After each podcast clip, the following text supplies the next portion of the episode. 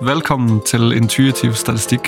En podkast hvor jeg, Rune Sahl Olsen, og Jeg, Thomas Bjergård Bertelsen. samtaler om statistikk.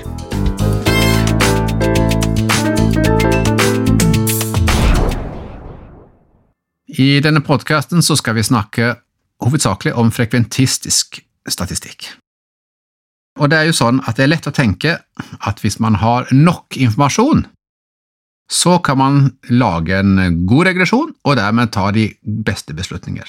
Og Litt sånn er jo egentlig både Facebook og Twitter og Instagram bygd opp. De samler enormt mye informasjon om hver enkelt for å tilpasse da eventuelt reklame eller innhold, slik at det skal passe for oss. Noen ganger fungerer det ganske greit, andre fungerer det ganske dårlig. Fordi at jeg i går var interessert i å kjøpe ny ryggsekk, betyr ikke jo det at jeg i dag og de neste ukene er interessert i å få reklame for ryggsekker. Så selv med mye informasjon så kan man ta beslutninger som ikke er like gode. Og i det hele tatt i livet så må vi ta beslutninger på begrensa informasjon. Og hvordan skal man gjøre det, da? Og Generelt sett i statistikkens verden så har vi to måter å gjøre det på. Det er ved hjelp av bayesiansk statistikk, som disse podkastene stort sett har handlet om. Og så finnes det frekventistisk. Og for å få en liten recap da, på, en måte på hva er det Hva er bayesiansk statistikk, og hva er frekventistisk statistikk? Det skal vi gi deg i dag. Bayesiansk statistikk, som er et fundament for mye av det vi har snakket om eh, i disse podkastene, det går jo i utgangspunktet ut på at du har noe erfaring eller noe informasjon fra før, og så henter du inn ny data eller ny informasjon, og så tar du liksom kombinasjonen av dette her og tenker ok, hva skal jeg tenke nå? Så du har liksom noe du vet fra før, du ser noe nytt, du tenker noe nytt. Det er ikke så, eh, så veldig rart, det, sånn så jeg tror mange kjenner seg igjen i den form for læring.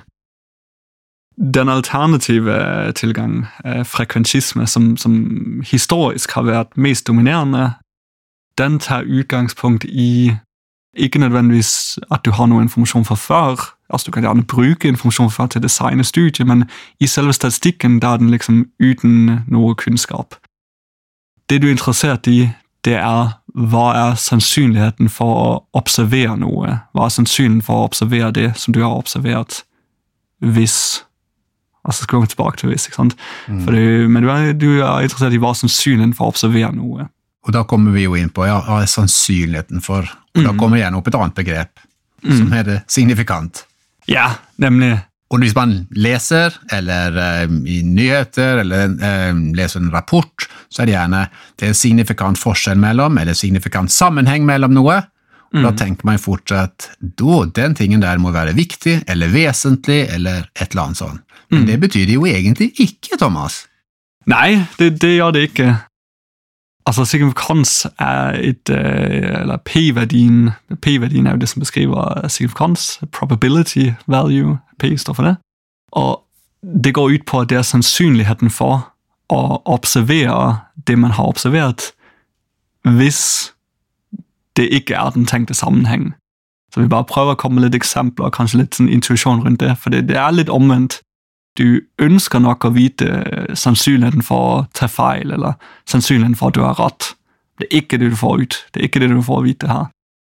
Du får vite sannsynligheten for å observere det data du har, hvis din hypotese ikke stemmer. Altså hvis det ikke er noen forskjell, da er det 4% sjanse for å observere den forskjellen som vi har funnet her. Så det er jo ganske omvendt. altså. Man- De forholder seg til Det fins en virkelighet der ute som er eh, veldig vanskelig å observere og få tak i. Så vi tar et utvalg, vi gjennomfører en studie, får et sample, altså et utvalg av den der, men de er vi ikke så sikre på hvor de kommer fra, for de har vi jo hentet fra en sort boks en plass, så vi vet ikke om det er eh, normal boks vi har henta noe fra, eller om vi har henta en veldig ekstrem greie. Så derfor må vi stille det spørsmålet der, da. Ja, og så tar man jo utgangspunkt i, i uh, nullhypotesen. Det er et viktig begrep innen frekventisme. Nullhypotesen, ja. Ja, du tar utgangspunkt i at det, det eneste som du vet, eller liksom noe som du i hvert fall hefter deg veldig ved, det er hvordan vil verden se ut hvis det ikke er en forskjell, eller ikke er den tenkte sammenheng. Hvordan ville dataet da ha sett ut? Så liksom du genererer et, eh, et mentalt bilde det, hvis behandlingen ikke virker, der vil jeg tro at øh, folk vil generelt få ingen effekt, men kanskje noen få vil få litt altså Selv hvis det ikke virker, ved tilfelle noen vil få litt effekt, og ved tilfelle vil noen få forverring. Det er det mentale bildet du danner som frekvensist. Hvordan ser verden ut hvis det ikke er noen forskjell, eller det ikke er den tenkte sammenheng? Så hvis det ikke er en forskjell på folk fra før til slutt av behandling, liksom, eller hvis ikke det finnes en forskjell mellom menn og kvinner, eller ikke en forskjell mellom rik og fattig mm. Det er liksom det, det bildet genererer du mentalt, og uh, har inni de dataprogrammene og sier sånn her ser verden ut hvis det ikke er noe forskjell. Så forsøker du da å si i det data du faktisk har fått, de, de observasjoner du har gjort, stemmer de godt overens med dette Den ideen? Ja, den nullhypotesen. Og det er det som denne signifikansen sier noe om. Det er hva, er hva er sjansen for at det data vi har observert, er det samme, eller kommer fra denne nullhypoteseverdenen, denne ikke-sammenhengverdenen? Så hvis, hvis det ikke er noen endring, egentlig, eller hjelp av terapien, mm. og vi allikevel har observert at det er en del endring for de som vi har uh, undersøkt, da blir det signifikant. Ja, så det betyr jo at det er veldig liten sjanse for å finne det vi har funnet i denne nullhypoteseverdenen. Mm. Vi vet dessverre ikke noe om hypotese 1, eller at det virker verden. Det, Men det, det er jo det jeg gjerne vil vite. ja, altså man kan si den frekventistiske logikk er, er jo den at siden det vi har observert, ikke stemmer spesielt godt overens med nullhypoteseverden, så er det logisk og lurt å jobbe videre som om altså du, du øh, fortsetter ditt arbeid som om den alternative hypotese stemmer, men du kan aldri vite det. Du kan ikke bevise hypotese 1. Så det, det, disse konsepter her med at vi ikke har noen idé om hypotese 1-verden, vi bare undersøker denne hypotese 0-verden, det er noe som er utviklet i, i tidlig 1900 1920 eller 1920-erne av Ronald Fisher, eh, som virkelig sant, gjorde stort inntrykk på verden og eh, førte til mye stor utvikling og statistikk fordi de var matematisk enkle modeller. Så veldig, veldig nyttige modeller. Men folk har jo selvfølgelig, sånn som når vi snakker om det nå, så høres det jo litt rart, eller det er ikke helt det vi ønsker, så det har vært mange forsøk på å innovere disse konseptene. Og innad i, um, i den frekventistiske statistikk, der kom blant annet uh, de, som kalles Neyman og Pearson, med noen innovasjoner som er noe som brukes uh, også i dag, og det, det, de introduserte, det var ikke bare å se på p-verdier i et enkelt studie, men å se på si, hvor mange ganger du vil ta feil hvis du gjentok det samme studiet mange, mange ganger. Der, da, kan du se på sannsynligheten for å, å ta feil ved å si at uh, hypotese null stemmer. Men du kan også si noe om hvor, hvor mange ganger du vil ta feil ved å si hypotese én stemmer. Så der kan du faktisk gjøre det opp en mening. Hvordan ser verden ut hvis behandlingen fungerer? Hvordan ser verden ut hvis behandlingen ikke fungerer? Og der kan du se over mange mange gjentatte studier hvilke av disse to hypoteser virker mest rimelige. Så da kan du faktisk si litt om den alternative hypotese. Men utfordringen da for den, de er jo på en måte sånn at ja, enkeltstudie sier egentlig ingenting. Mm. Nei. Så ett studie fant at, som man jo ofte hører folk si, vi fant et studie som viste at dette fungerte. Og Da vil man ut fra Neumann-PC-en si at ja, men det er egentlig ikke nok, vi må ha mange studier. Og Derfor så har man sammenstillinger av studier gjennom gjerne metaanalyse, hvor man prøver å sammenstille mange studier som undersøkte samme, for å se er det sannsynlig at dette her faktisk virker, da, eller ikke virker.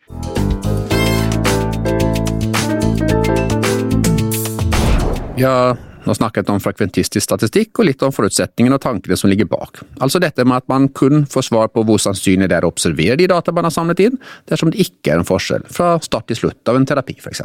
Vi har også snakket om at i den tradisjonen så er ikke resultatet fra en enkeltstudie særlig nyttig, men at det er veldig viktig å gjenta studier for å få svar på om en terapi virker eller ikke. Og Nå skal vi ta et skritt videre og snakke om farlig, men vanlig forskningspraksis.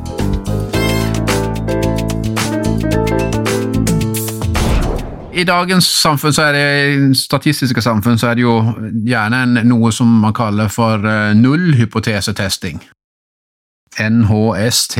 Ja, og det, det er jo noe som jeg tenker både de som er Fisher-folk og de som er Neiman Pearson og Bayesianer, alle er jo enige om at det ikke er bra.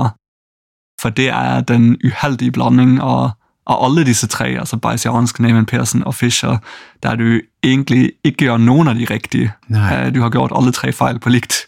Eh, Du har, ja, det er det som vi har lyst til, det er det som virker um, Det er det som frister å gjøre. ikke sant? Du har lyst til å gjøre enkle metoder, du har lyst til å, å ha et enkelt tall, og du har lyst til å vite noe om sannsynligheten for hypotesen. Så i, i praksis det, det er jo mye som kalles NHST, men, men ofte så innebærer det jo at du tester mange spørsmål, altså du har med mange variabler, du tester ulike interaksjoner modeller, kan den predikere det, og kan det predikere det? Og så er det jo noe av dette her som kommer opp som signifikant, eh, sannsynligvis. Fordi du undersøker sannsynligheten for å observere data, ikke sannsynligheten for hypotesen med p-verdier. Så det vil alltid være en sjanse for å, finne noe data som ikke stemmer overens med nullhypotesen, hvis du bare plukker tilfeldig ut. Ja, Det har man jo undersøkt, og det, det er jo ikke så vanskelig egentlig å finne ut av. at Hvis du bare kjører mange nok analyser med forskjellige måter, så vil du alltid i et datasett rett og slett få noe som er signifikant. Eh, Og da, Ja. da har du garantert at du har noe sånn sett å skrive en historie om. Nemlig. Så hvis man presenterer en fagartikkel der du eh, har på en måte undersøkt alle sammenhenger, men du bare presenterer den ene der du fant noe, og, og gjerne ligger på at ja, dette, dette viser at det er eh, stor sannsynlighet for en sammenheng, der blander litt bayesiansk tenkning inn, selv om det ikke passer, der har du gjort det som er NHST, at du, du tester mange hypoteser, og du presenterer bare den ene som kommer opp, og du legger det fram som om det er bayesiansk, at det sier noe om sannsynligheten for hypotese 1. Så er det jo sånn disse frekventistiske tenkningene, både Fischer og Norman Neumann og kanskje enda spesielt, er jo, du må som forsker på forhånd bestemme deg hva du skal spørre deg om, hvordan du skal gjennomføre det, og hvor mange det er jo det de klarer å beregne ut, da, hvor mange personer må jeg inkludere i studien for å kunne eh, komme med en konklusjon, hvis jeg gjennomfører den samme studien mange ganger. Så, eh, mens det er jo kanskje litt underlig at hva forskeren har tenkt på kontoret sitt og bestemt seg for, påvirker resultatene, og ikke på en måte dataene som sådant. Og om han har funnet på at han skal teste, kjønnanalyse en én eller to ganger, skal også ha noe å si. Det er jo litt underlig når data på en måte er data. Altså, Vi har spurt folk om hvordan de har det. Hvordan kan det bli påvirket av tanken til forskeren? Det er i hvert fall noen sånne bakforliggende tanker som, som ligger inn i dette her. Og for at Neivan og Persson på en måte skulle, eller i, i sin måte å gjøre dette på, så har de at man må beregne da, hvilken kraft har man, og hvor mye data må man inne. Og Da er vi igjen et, et problem i vårt felt, som handler om psykologi og psykisk helse, for det er ofte at man ikke klarer å samle inn så mange data som man egentlig trenger. Da får man såkalt underpowered studies, og eh, de kan jo e- egentlig ikke svare på noe som helst. Nei, men jeg er i hvert fall opp med den uheldige situasjonen der hvis man har nullfunn, altså vi fant ikke noen signifikante sammenhenger, der kan man egentlig ikke si er det fordi H0 stemmer, eller er det fordi at vi bare ikke hadde nok data. Og det betyr ingen av delene er sanne, eller du kan ikke si noe egentlig. Så det er litt sløst tid, dessverre.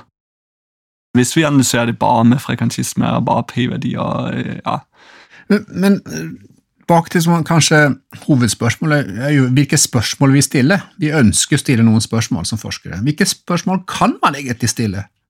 Ja, hvilke spørsmål kan man stille? Man kan jo stille seg selv spørsmål rundt um, ja, sannsynligheten for å observere data. Så dette er jo spesielt nyttig der du har fenomener som, som skjer ofte på, på samme måte. Altså, um, hvis du har video, videomateriale, hvordan folk oppfører seg i bybildet, der du har målt det over et år, der har du daglige repetisjoner og kanskje lignende atferd, der du kan repetere dine forsøk flere ganger. Ja, eller hvis du har um, daglige målinger på et individ der du gjør små forandringer i løpet av mange år, at de liksom kanskje et år prøver ut en intervensjon, et annet år prøver de ikke ut en intervensjon. der har du elementer av den her mange repetisjoner. Altså hver gang du har mange repetisjoner eh, av et eller annet fenomen, der, der er frekventisme, spesielt Neyman Pearson, eh, har øh, definitivt sine fordeler. Men i vårt felt, i, i, i psykologi, eh, der bildet er litt mer grumsete, der det er veldig stor forskjell på deltakere, det er helt forskjellige personer, kan du si, og der det ikke er så lett å repetere ting, og der vi har øh, underpowered, altså små studier, så, um, så det ikke alltid det funker så veldig bra med frekventisme. Og Kanskje en av grunnene til at feltet vår er der, at du, hvis du søker etter et eller annet, om noen har skrevet eller funnet et funn på at det virker eller ikke virker, så vil du sannsynligvis få ja uansett. Det gjennomføres mange studier, og eh, disse studiene peker i både den ene og den andre retning, hvilket jo egentlig er helt logisk ut fra tanken til eh, til disse innenfor frekventismen, så skal det på en måte slå, kunne slå begge veier. Definitivt. Det er sannsynligheten for å observere data. Altså det er, du rekker hånden ned i en, en pose med forskjellige fargede baller. Da kommer du til å få opp både røde og blå og alt mulig. Da er det tid for en eh, liten oppsummering, Thomas. Ja, i dag har vi snakket om frekventistisk statistikk, eh, som er det liksom en metode til å dra konklusjoner eh, på bakgrunn av data, eh, som er veldig bra hvis man i utgangspunktet ikke vet så mye om det man studerer, eh, og hvis man har mulighet for å gjennomføre studier mange mange ganger. Eh, og så har vi snakket litt om at det kanskje ofte kan være vanskelig å oppnå i vårt felt, der det ikke er lett å eh, gjenta studier mange mange ganger, og man ofte har veldig stor teoretisk kunnskap om det man forsker på. Både du og meg, Thomas, jobber som forskere ved Avdeling for barn og unges psykiske helse ved Sørlandet sykehus i Kristiansand. Vi vil gjerne si takk til Sørlandet sykehus og vår kollega Semia Mojcik, som sammen med en pasient lager signaturmelodien.